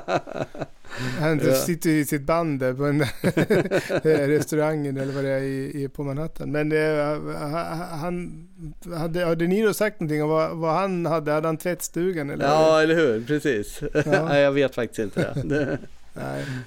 Nej, men vi vill bara vända det där med rasismen för att ehm, det kan man ju lätt raljera lite omkring. Men jag kan ju också väldigt väl förstå kritiken för att det är ett otroligt endimensionellt porträtt av ett folk. Får man ju säga. Det finns ju liksom inte någon som bara är eh, tvådimensionell ens Nej. i, eh, i filmen som då ska, som ska eh, vara vietnames. Utan de är ju extremt endimensionella. Ja. Och det är klart om man gör det som en, om man då eh, försvarar det med att det är en subjektiv berättelse av, någon som är tillfångatagen eh, och inte ser liksom nyanserna hos sin plågoande eh, så kan man väl kanske förstå det men, men ja, egentligen är det väl på något sätt är det väl det som är rasism också. Mm. Så att det, det är väl kanske inte så konstigt att den mötte en viss, en viss kritik. Även från andra än Jane Fonda menar jag. Mm. Hur som helst, det här var inte ett... Eh, det här var inte ett av de här kanonåren till Oscars. Det måste vi faktiskt vara ärliga och säga. Det var ju väldigt Mm. eh, imponerande. För, oavsett så är det väldigt imponerande med nio, nio nomineringar. Men i övrigt då, för, i bästa film, så var det ju Coming Home eh, som var eh, nominerad. Mm. Jane. Fondas film, ja precis. Jane Fonda och eh, vad heter han? John Voight va? Mm. Och sen var det Heaven Can Wait, eh, Warren Beatty's eh, Heaven Can Wait. Och Midnight Express. Ja, just det. En film som heter An Unmarried Woman och det är inte någon film som jag eh, känner till. Ska jag vara ärlig och säga. Nej. Så att det var inte något kanonår. Det var inte ett av de där åren där man tänker sig, oh shit, här hade alla kunnat vinna. Liksom. Mm. Nej, Men Midnight Run var ju förstås en stor film. Men, Midnight och Express. Home, men- Ja. ja. Nej, men, förlåt. Ja. Just det. Apropå eh, rasism i film. Ja. Point taken. Touché. Ja. Men Deer Hunter skördade ju stora framgångar inför Oscarsgalan. Eh, bland annat så vann det ju då Golden Globe för bästa film, vilket ju brukar vara en indikator för hur det kommer att gå Mm. på Oscars. Ja, visst. Och mest eh, omtalat på Oscarsgalan var ju då att en eh, 71-årig John Wayne, tydligt sargad utav cancer, fick eh, genom att presentera då Oscar för bästa film säga adjö till det som hade varit hela hans liv så att säga. Och ett par månader senare bara så var han ju död. Oscar gick ju då till Deer Hunter förstås. Och det är ju ett par poddbekantingar som hade fått äran då Ja. att eh, presentera Oscar för bästa regi. Och det är ju alltså Ally McGraw och eh, alltså skådespelare och flickvän då till Robert Evans. Som vi ju pratade om i Gudfadern-avsnittet. Samt ingen mindre då än Francis Ford Coppola. Och Han hade ju just haft sin första visning utav Apocalypse Now och eh, inom en månad så skulle ju de ha premiär också då på bred front. Och jag tänker, Mhm. här är det verkligen läge att lyssna på hur det låter. Ja. In America, he's called the director, but in other countries, he has a different name. The French call him réalisateur, Italians call him regista. It translates the realizer, the one who realizes the dream. Actually, uh, whatever you call it, the job is to to uh, make dreams come true so that audiences can see them and hear them and be part of them. You know, I I'd like to say that I, I think that um, we're on the eve of something that's going to make the industrial re- revolution look like a a small town tryout out of town. And I'm, I'm talking about the communications revolution. I think it's coming very quickly, and that the, the movies of the 80s are going to be amazing beyond what any of you can dream. Just a couple of years away from now. And I can. Uh, I see, I see a, a communications revolution that is about movies and art and music and digital electronics and computers and satellites and above all human talent.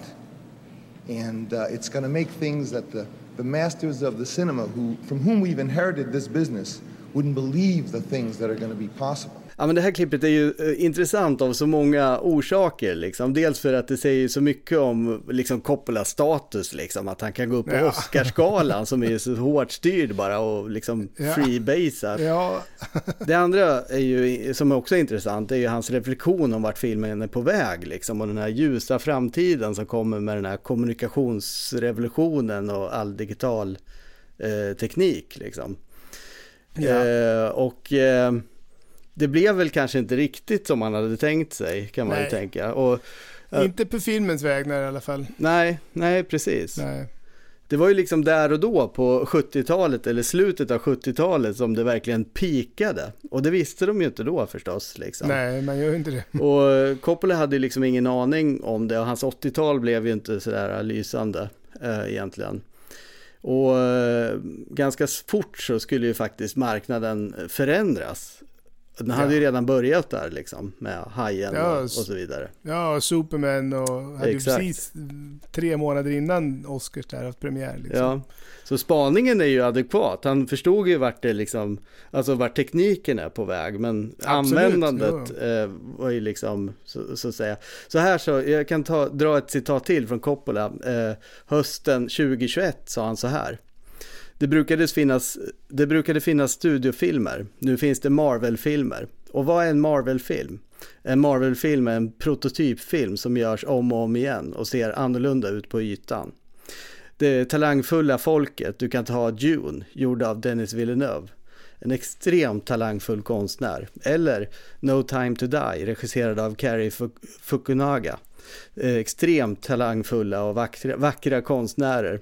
Och du kan ta både deras filmer och lägga ihop dem. Och du kommer att hitta samma sekvenser där de kraschar bilar in i varandra. Ja, Ja, jag vet det är inte. sorgligt och sant. Nej, men Det det, är ju inte, det är ju inte fel liksom. Nej. Nej men det är ju, det är ju helt så, klart så att liksom, tekniken har ju möjliggjort en massa saker och människor har blivit superhjältar istället. Men det här måste ju såklart, eh, det, det, det kan ju inte vara liksom ridån för allt. det måste ju hända. Nej. Nej, men läste du det där citatet som kom från ehm, Tarantino här? Att det här är den värsta filmperioden i film, filmhistorien, den som vi är i just nu. Ja, 50-talet och 80-talet var uselt, men det här är fan ännu värre. Mm. Enligt Tarantino. ja. Ja, Men som sagt, det är ju dialektik va, så att det kommer väl en, en annan period här om hörnet. Förhoppningsvis. ja vi får Folk på är det. trötta på, på de här suboptimeringarna.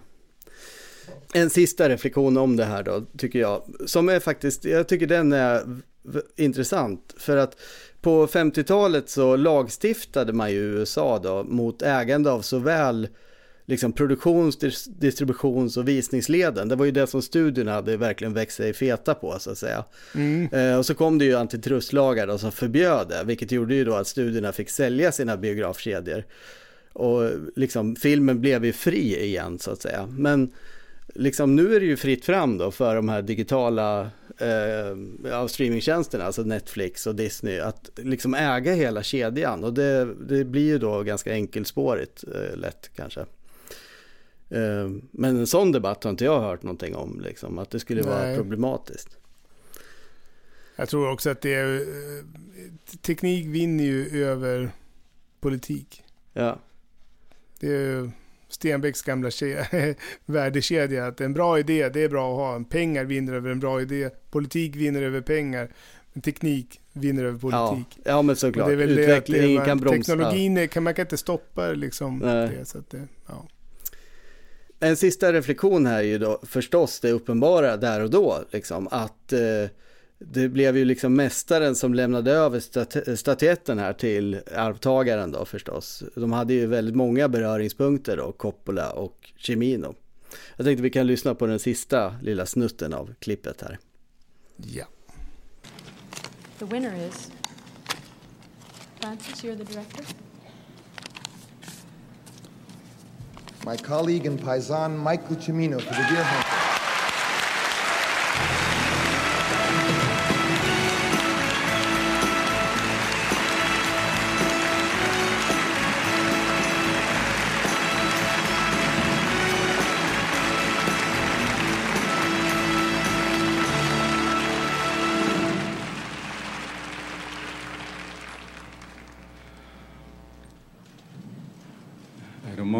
This, it's difficult to leaven pride with humility, but I am proud to be here and proud of our work, proud to be part of this tradition. I'm proud of my dear, very special associates, Joanne Corelli, Barry Spikings, Chris Walken, John Savage, Meryl Streep, the late John Casal, and most especially, I embrace Robert De Niro for his dedication and for his great dignity of heart. Thank you very much.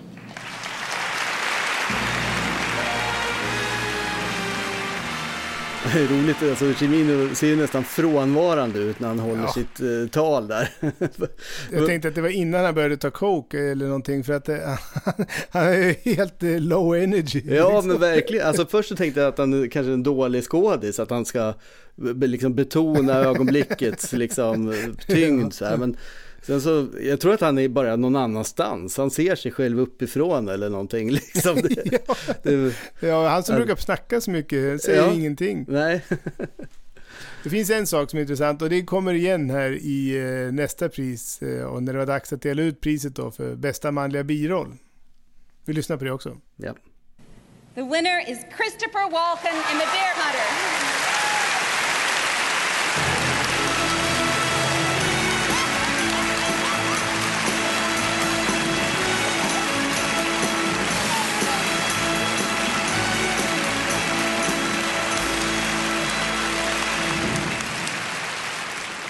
Thank you, Michael.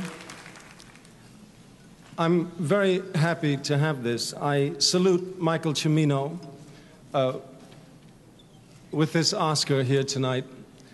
Uh, and I'd like to add my thanks to the members of the Academy and to Mr. Robert De Niro. Thank you all.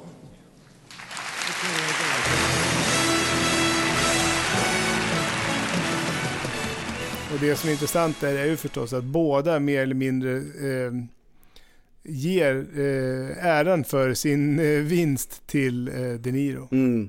Ja men det Det säger ju en hel del om, in, in, inflytandet han har haft på den ja inspelningen. liksom. precis.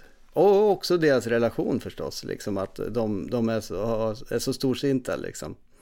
Ja. Nej men alltså De Niro eh, nominerades ju för rollen i Taxi Driver men vann inte då. Eh, och varför kommer vi ju förstås att komma, återkomma till i något annat avsnitt.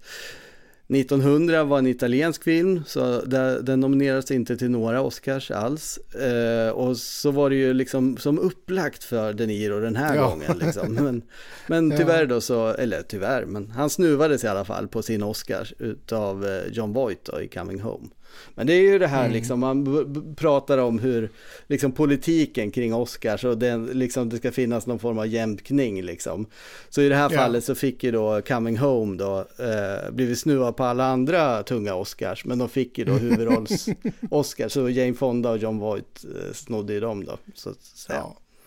Det kan ju också ha varit så att eh, John Voight ställde upp på fler intervjuer än De Niro gjorde och därför liksom var mer i medierna. Så kan det Ja, absolut så- vara. Ja. Det hänger ju ihop alltihop. Liksom. Ja men totalt då så vann ju Deer Hunter då eh, fem Oscars. Ja, och förutom de nämnda då förstås så, så belönas den då med Oscar för bästa klippning eh, och eh, bästa ljud. Deer Hunter orsakade ju demonstrationer och, och eh, autenticiteten eh, som Vietnamfilm då ifrågasattes. Eh, inte minst då på grund av Michael Ciminos märkliga beteende. Och det belystes ju att det inte fanns några som helst vittnesmål alls om att det skulle ha spelats någon rysk roulette under Vietnamkriget. Hon liksom glömde är kanske väl att det lite- var film vi, vi fortfarande Ja, håller på lite med här. fånigt. Liksom. Ja. Alltså som om att det var det som var nyckeln. Eller liksom. hur? Det är fan dum kritik. Ja. Men det fanns också Vietnamveteraner då som drog ut till eh, filmens försvar. De såg ju en realistisk skildring av hur det faktiskt var att dra ut i krig och Mm. hur den här nya termen då, PTSD, posttraumatiskt eh, stresssyndrom, kunde te sig. Och eh, Cimino fortsatte ju att betona att rouletten inte skulle tolkas bokstavligt, att det var en, en liknelse. Och det håller jag verkligen med honom. Liksom. Ja, ja. Men tyvärr så kom det ju också mer sinistra historier som kom att förknippas med filmen. För efter filmens premiär så kom rysk roulette att bli på modet. Under tiden då som följde så anordnades det underjordiska rysk roulette-sammankomster. Och det rapporterades så mycket som, eh, om så mycket som eh, 25 dödsfall i samband med det här. Åh fy fan. Ja, Ja, ja Hunter var ju den eh, första kritiska Vietnamfilmen. Um, och som sådan så blev den ju liksom stilbildande för att innan dess hade man ju inte vågat ta tag i den här stinkande bölden som låg och jäste i hörnet.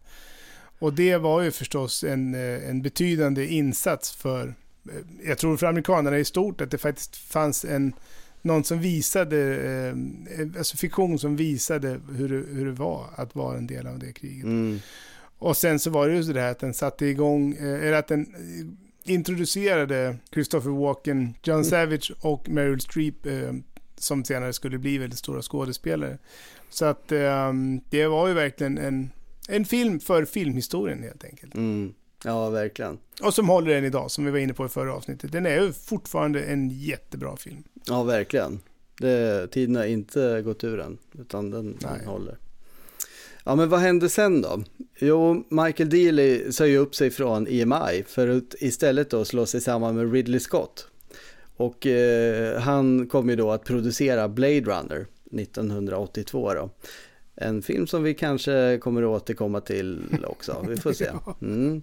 Men eh, ja, han, han var, hade i alla fall ett äkta, han var ju inte bara en clerk liksom så att säga. Nej. Liksom, någon executive, utan ville göra bra film. Robert De Niro gick vidare då till Raging Bull som förstås. Eh, ja, det är en guldålder liksom. Det, är mycket som vi får återkomma till kanske. Vi får se. John Men alltså man skulle kunna göra liksom amerikanskt 70-tal varje avsnitt. Ja, verkligen, verkligen. Finns inget slut där. Ja. Ja, John Savage ju, som du var inne på förra, i förra avsnittet, han gjorde ju en jäkla massa roller men eh, liksom den som stod på tur här precis efteråt var ju då eh, ynglingen som tog värvning faktiskt till armén i Hair. Så det var Mm, ytterligare en just det. Vietnamroll faktiskt. Ja. Och Meryl Streep eh, blev ju då som vi vet en riktig Oscarsfavorit. Du sa ju det i förra avsnittet. Eh, 21 Oscar-nomineringar och har ju vunnit tre gånger. Och eh, hon kom ju inte att vinna för Deer Hunter och det var väl kanske rättvis. Alltså hon var ju ett Ja, nytt det är ansikte men det var ju inte den rollen som hon faktiskt skulle vil- vinna med. Men som sagt då, hon, nästa film så skulle ju, skulle ju bli då en riktig klassiker, Kramer mot Kramer. Och Mm. där vann hon eh, sin Ja, Oscar. det är min favoritgråtfilm. Ja, Om jag liksom behöver böla lite då ser jag Kramer mot Kramer. Den är ju helt magisk. Alltså. ja. Älskar den filmen. Och 1980 då, när hon gjorde den, eh, var, gjorde ju också då eh, Woody Allens mästerverk, eh, Manhattan. Också en, Ja. en av dina favoriter vet jag. Ja, klockren. Det- Älskar den. Där har vi, ja hon gick vidare till tunga grejer. Mm. Ja, det, hon är ju framförallt dramatisk skådespelerska. Så det, det är ju där hon är starkast. Ja. Ja men som du berättade i förra avsnittet då så kom ju eh, Christopher Walken också att bli någonting utav birollernas konung. Men eh, Walken skulle ju också ha en roll i det som skulle bli Michael Ciminos nästa film. En film som vi återkommer till redan nästa vecka. För Cimino var ju på toppen nu. Han hade vunnit Oscar för bästa film och faktiskt, han fick en produ- producing credit. Så han fick ju ta emot då bästa filmpriset och sen så också då förstås bästa regi. Och eh, det var ju en tung pjäs det här, Deer Hunter. Mm. Och den gjorde väsen av sig. Det var kanske inte nygudfadern i historiens ljus så att säga. Men där och då så var den ju verkligen det. Och eh, Cimino skulle, var ju det nya geniet som skulle förändra världen, eller filmen i alla fall. Mm. Och i nästa avsnitt så får vi ju se hur det går då när Cimino och Walken gjorde Heaven's Gate. Ja, och vi måste väl faktiskt säga det att det är verkligen inte alla som känner till Heaven's Gate. Men lyssna på det avsnittet för det kommer att bli en sjuhelsikes resa. Ja, det kan vi lova. Det är ett av de största, ja, eh, det, det, det är verkligen filmhistoria av helt fel orsaker. Mm. Men nu har du lyssnat färdigt på The Making of the Deer Hunter och vi hörs alltså om en vecka igen. Hej då! Du är det bästa jag har Du är så underbart rar Så skönt att viska ditt namn och krypa in i din famn